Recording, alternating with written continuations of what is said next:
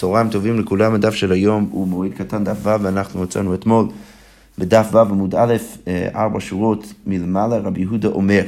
אתמול אה, ראינו ברייתא אה, שאמרה ככה, שאם בן אדם מצא שדה מצוינת ואינו יודע מה טיבה, הוא לא יודע איפה נמצא שם הקבר בתוך השדה, אז הוא יכול אולי לבחון את, ה, את מצב השדה דרך המיקום של האילנות שנמצאים בתוך השדה.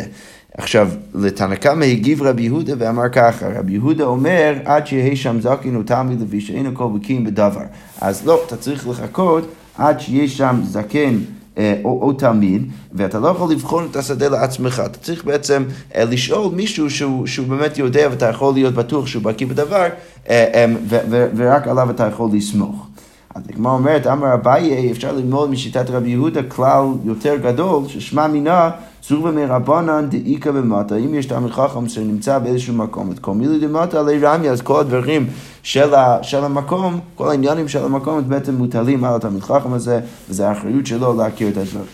אוקיי, עכשיו אנחנו נמשיך ללמוד דינים של הציון על גבי הקבע. אז הגמרא אומר ככה, אמר רב יהודה, מצא אבן מצוינת, תחתי הטמא. אם בן אדם מצא אבן שיש שם ציון, אז הוא יכול להניח שהטומאה מתחת לאבן. עכשיו, למרות שאמרנו כבר בברייתא אתמול, שצריך אולי קצת להרחיק את, ה, את הציון מהטומאה, למה? כי אתה לא רוצה שבן אדם יגיע לציון והוא כבר יהיה מעל, מעל גבי הטומאה. אם הטומאה נמצא שם, נמצאת שם, אז יש בעיה. אז לכן אנחנו אמרנו שצריך אולי קצת להרחיק את הציון מהקבר כדי שאתה תדע שצריך להרחיק מאותו המקום. עכשיו, כאן זה קצת שונה, כי, ו, ו, וגם רש"י מסביר ככה שברגע שיש שם אבן, אז אתה לא חושב שבן אדם יגיע לשם אה, אה, ופתאום יראה את הציון והוא יהיה כבר מעל גבי הטומאה, כי כאן הוא רואה את האבן מרחוק, ולכן אתה לא צריך אה, אה, באותה צורה אה, לחשוש את זה, ולכן הברייתא אומרת כאן במפורש, סליחה, לא, אה, אה, לא הברייתא, רב יהודה אומר כאן במפורש,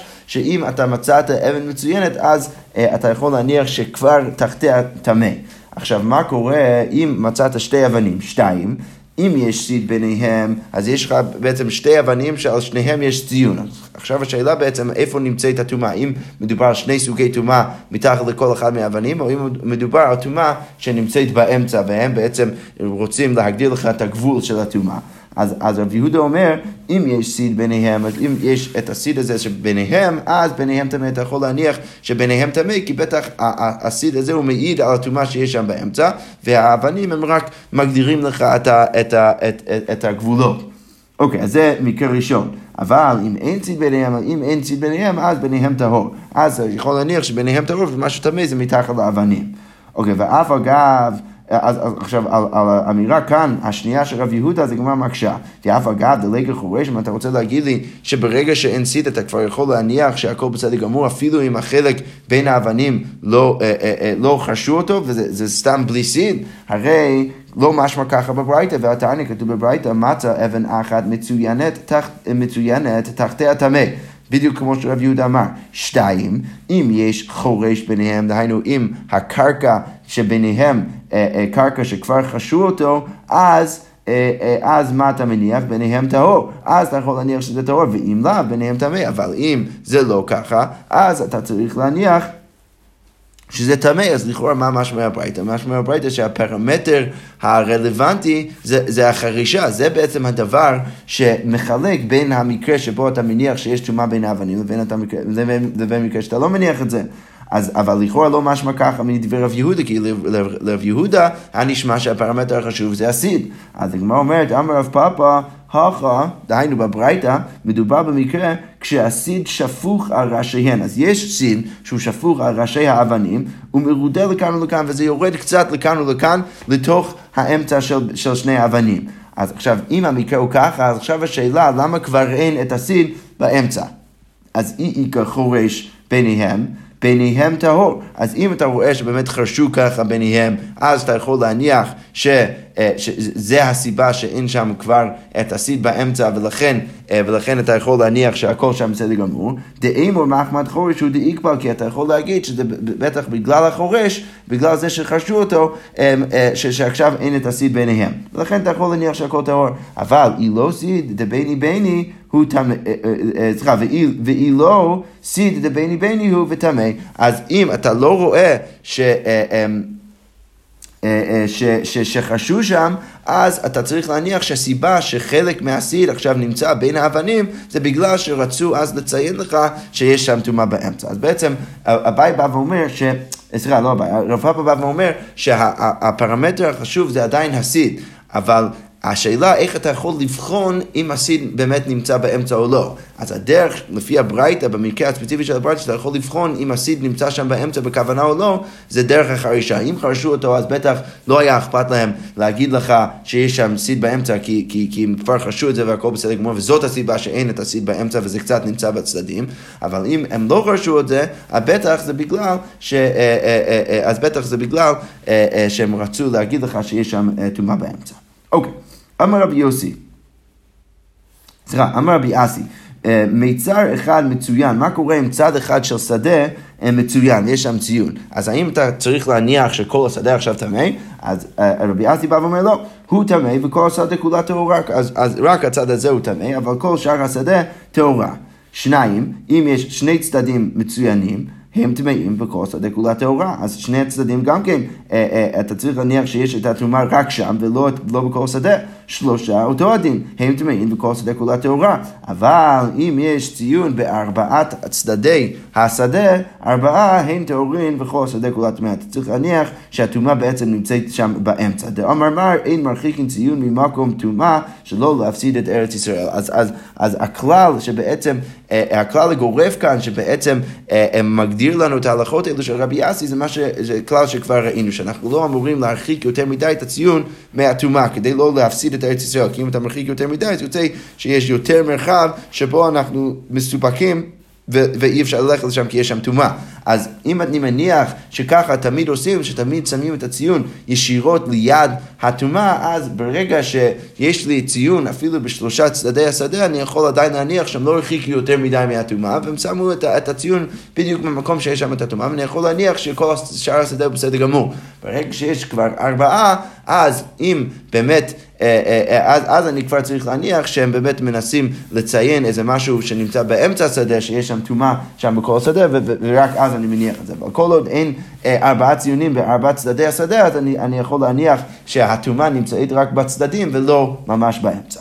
אוקיי, אמרנו גם כן במשנה שיוצאים אף על הכליים. אז, אז, אז בחולו של מועד אז יוצאים על כליים, אמרנו ש, שמדובר כאן על, על, על, על, על פועלים או, או סוחרים ש, אה, ש, שכפי שנראה בגמרא מזכירים אותם אה, אה, בית המקדש כדי, כדי להגיד להם לצאת לשדות של בני אדם ולראות אם יש שם כליים ולעקור אותם מה, מהקרקע.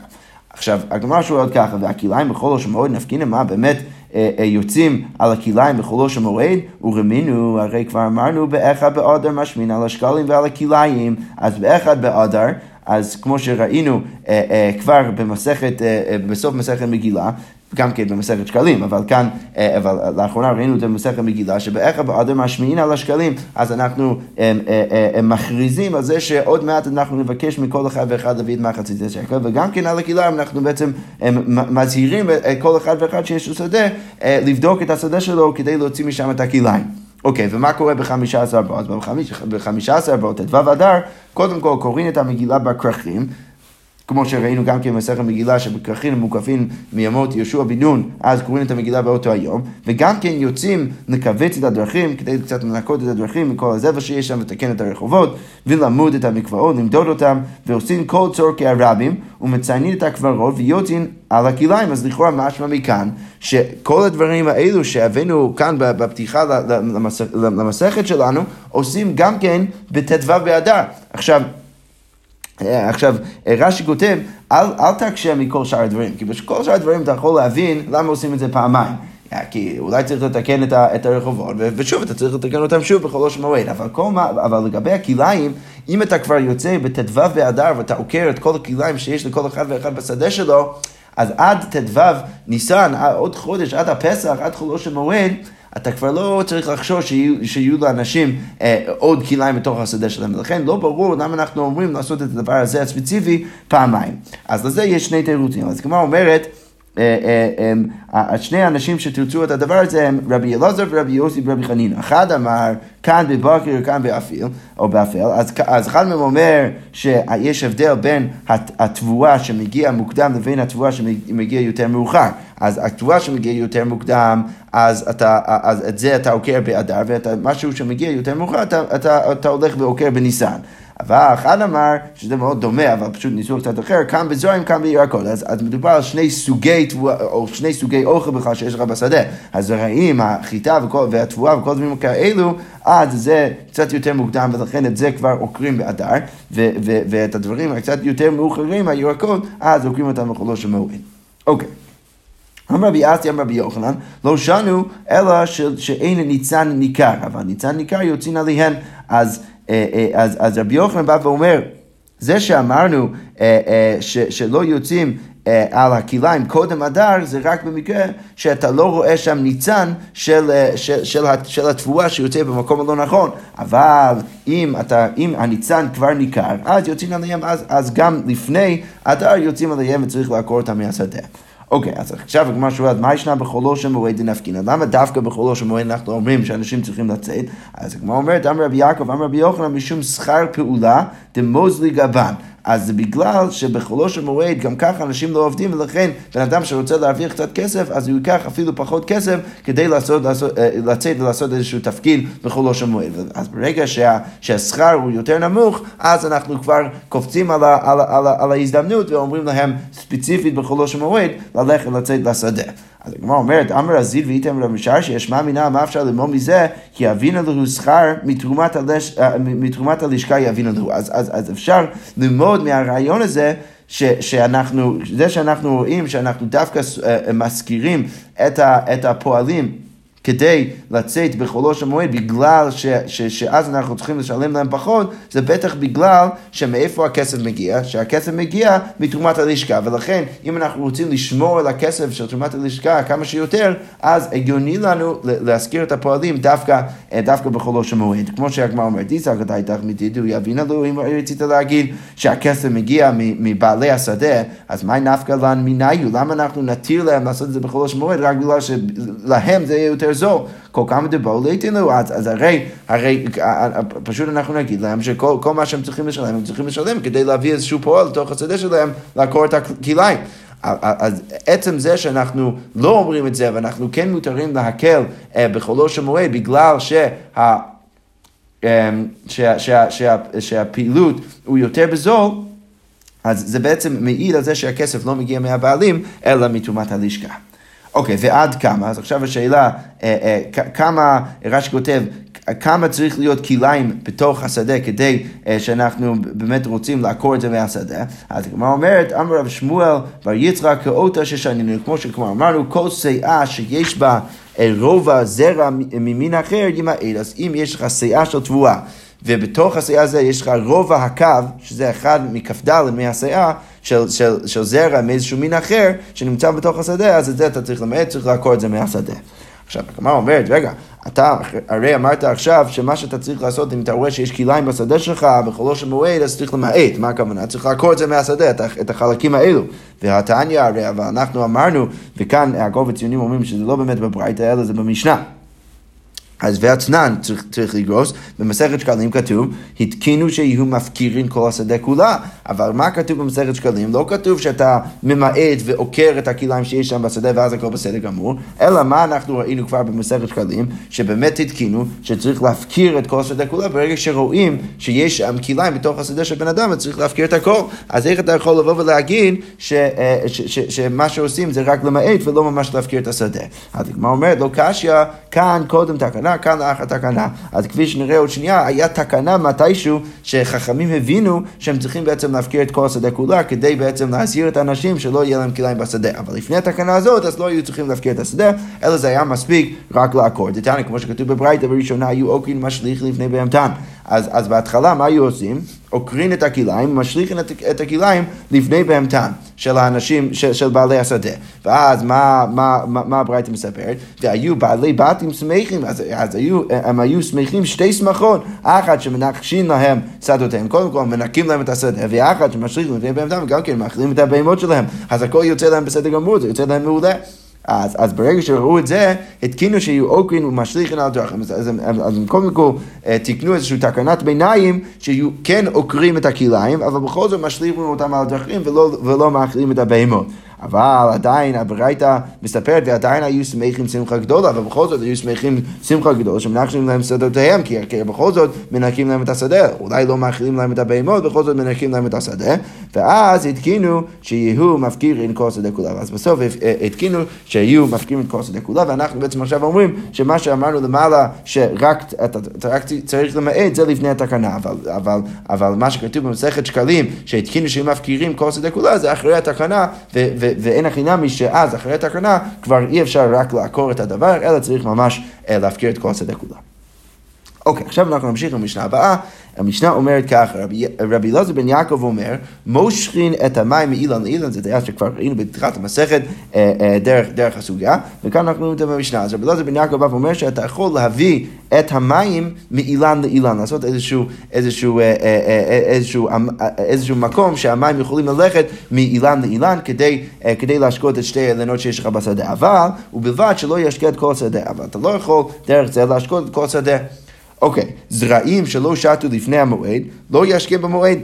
אז כאן המשנה אומרת שאם יש לך זרעים שלא שתו מים לפני המועד, הם לא התרגלו שאתה משקה אותם במים לפני המועד, אז גם במועד אתה לא, אתה לא יכול להשקות אותם. למה? כי כי ברגע שאתה מניח שהם לא שתו לפני המועד, אז אתה, אתה כבר יכול להניח שהם לא באמת התרגלו לזה ולא צריכים את המים גם כבמועד. אין, לא יהיה פסיידה אם אתה לא תשקה אותם עכשיו שבעה ימים. ולכן גם במועד אסור לעשות את זה. וחכמים מתירים בזה ובזה, וחכמים באים ואומרים שמותר לעשות גם בזה וגם בזה, גם להשקות אה, אה, אה, את כל השדה כולה, גם את הזרעים ששתו לפני המועד וגם הזרעים שלא שתו לפני המועד. עכשיו רש"י כותב שהחכמים כאן במשנה הם שיטת רבי מאיר. למה דאמר לאל? כי אמרנו בדף ב' עמוד א', שמשכין ממנו אפילו שדה בית, בית הבעל, שאפשר להשקות מאמה אפילו אם, אם היא יוצאת תחילה, בתחילה במועד, אז אפשר להשתמש במים האלו אפילו להשקות שדה, אה, שדה בית הבעל, שזה, שזה לכאורה מקום שיש הרבה פחות בסדר, בכל זאת אנחנו מתירים לך להשקות את השדה. אז, אז כאן, כשאנחנו רואים שחכמים מתירים לך להשקות את כל השדה ואת כל הזרעים, אפילו הזרעים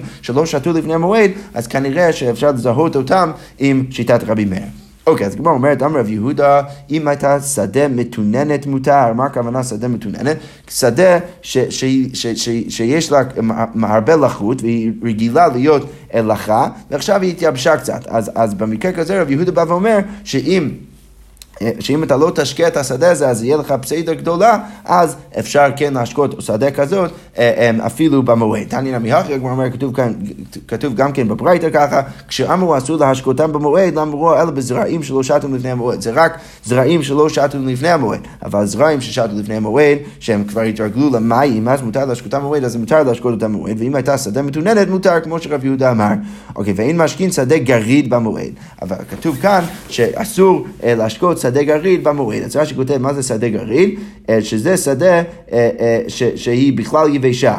כי, כי, כי, כי לעולם אתה לא, לא צריך באמת להשקות אותה, ולא יהיה לך שום צדק, ולכן את הדבר הזה אתה לא יכול להשקות במועד. וחכמים מתירים בזה ובזה, וחכמים באים ואומרים שהכל בעצם מותר, להשקות את כל הדברים האלה מותר, אפילו משהו שהוא יבש, לא יתרגל למים, בכל זאת זה מותר, כמו שראינו גם כן במשנה.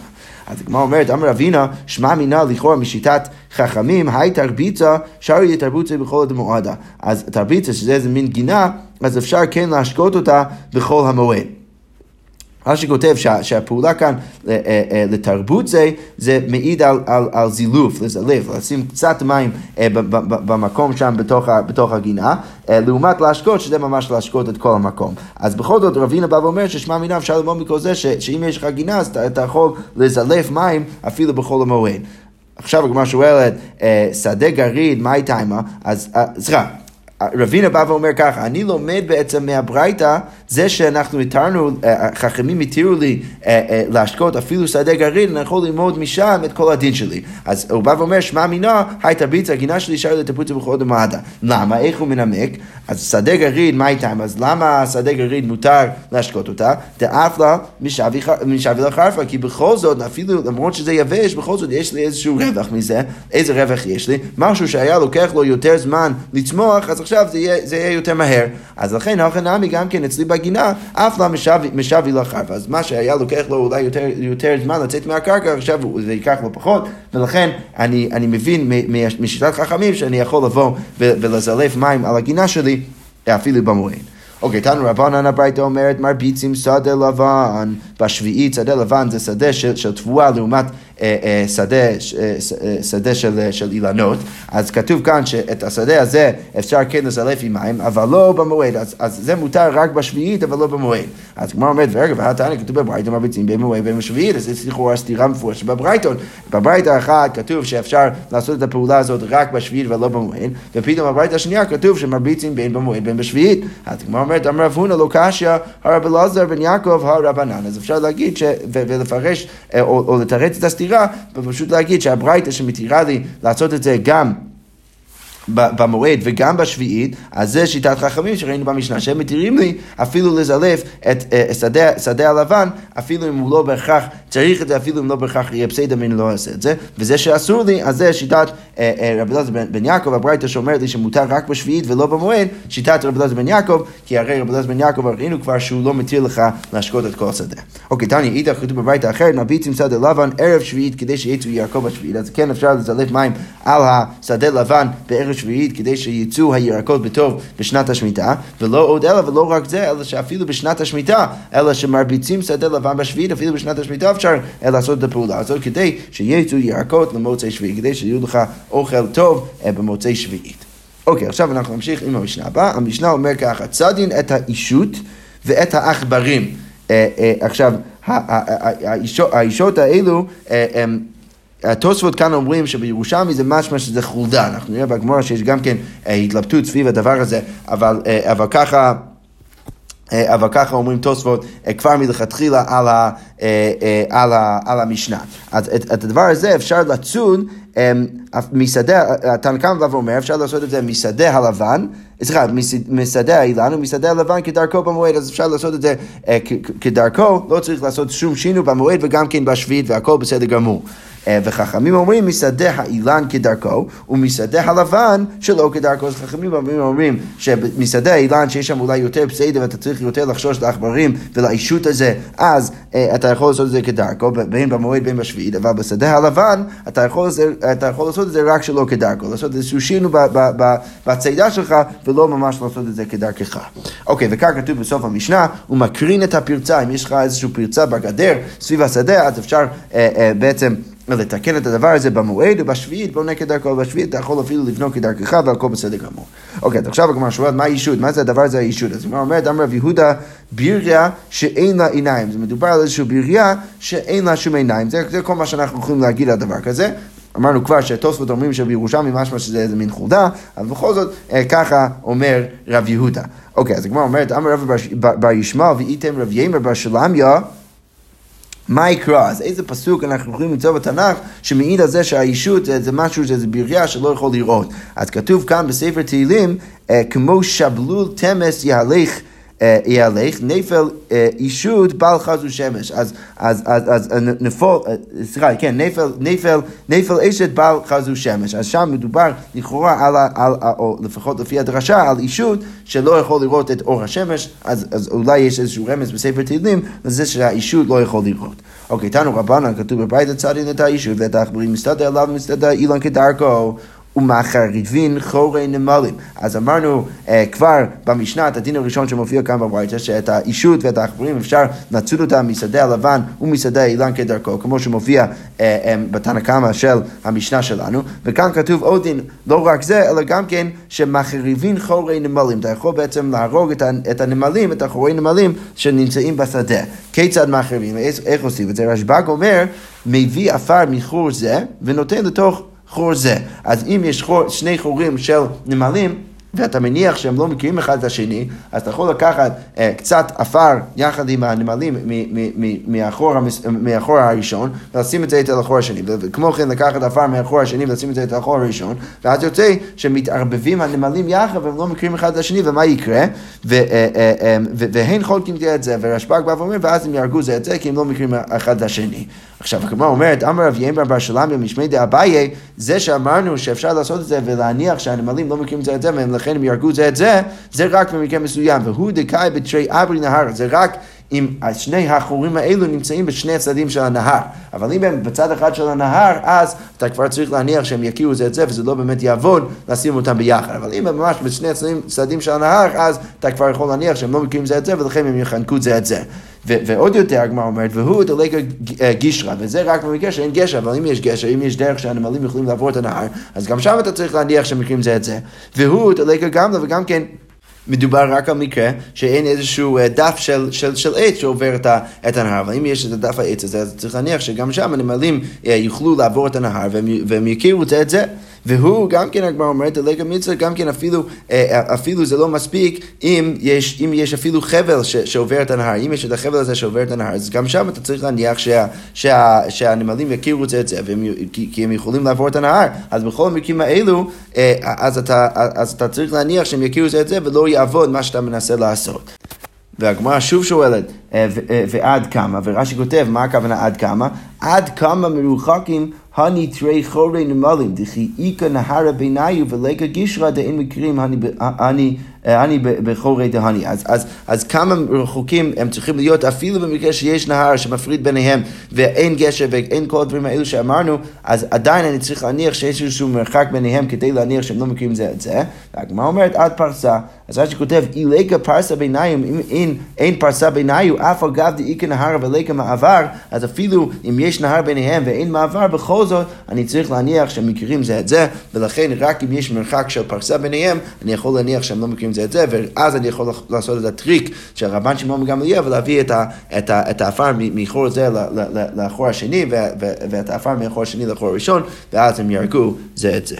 שכוייך.